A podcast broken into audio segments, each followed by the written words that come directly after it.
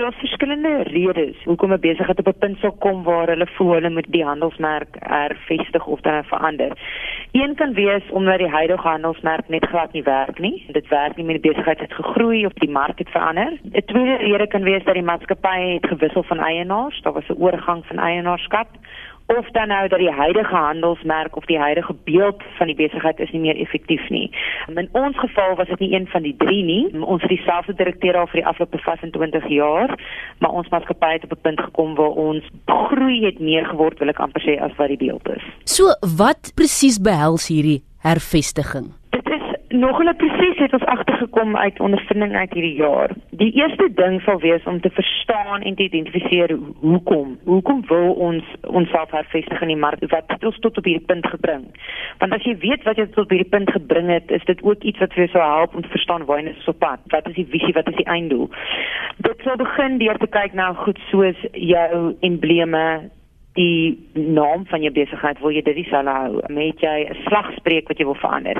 En dan spoel hierdie goed oor in enigiets van jou voertuie na jou webtuistes na die ontwerpe van jou e-posse uitleg na die skrif waarmee jy skryf. Dit is iets wat definitief al hoe groter raak hoe meer jy daai muurnes oopkrap. Jy het verwys na die logo of dan nou slagspreuke. Mm. hoe drasties moet daardie verandering wees om nie jou kliënte te vervreem nie Weet jy so dit is juist waarmee ons gesit het. So ons het meer as 25 jaar gelede het Lucas Quality Searchers begin wat by die Redak maatskappy is. Maar deur die jare soos wat die mark verander het en ons infrastruktuur gegroei het, het ons diversifiseer. So ons het 'n hoë gehalte bou maatskappy begin, ons het 'n dakstruktuur spesialiste begin en aan eiendomsontwikkeling. En so het ons op 'n punt gekom waar ons al hierdie maatskappye gehad het. So vir ons het ons die sprong in geloof wil ek amper sê gevat om te gaan goed ons marknavorsing wys dat die silhouet van die twee figure wat die riet gooi ons ons logo is so gefestig in die mark dat ons gaan nou wegbreek van die naam en ons gaan deel word en dan kan ons voordeel put uit ons logo wat die mark ken maar dan terselfdertyd ook om deel te wees van die Giant High Group.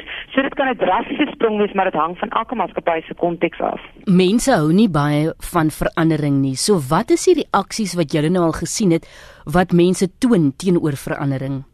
Ek dink dit gaan alles oor wat is die rede. En as jy as 'n maatskappy, kyk as jy nie jou navorsing kyk is daar groot handelsname, internasionale handelsname as jy bietjie gaan kyk op die internet wat verandering gebring het en die publiek het gesê sorry, on, jy weet skus, ons soek die ou beeld terug.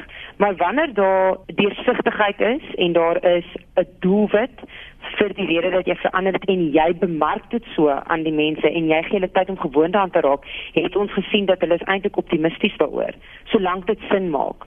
Maar jy kan hulle nie verras met 'n verandering nie. Jy moet vir hulle stadig maar seker lei na die verandering toe en dan vir hulle ook laat glo tot 'n sekere mate dat hulle wil ook eintlik by verandering hê.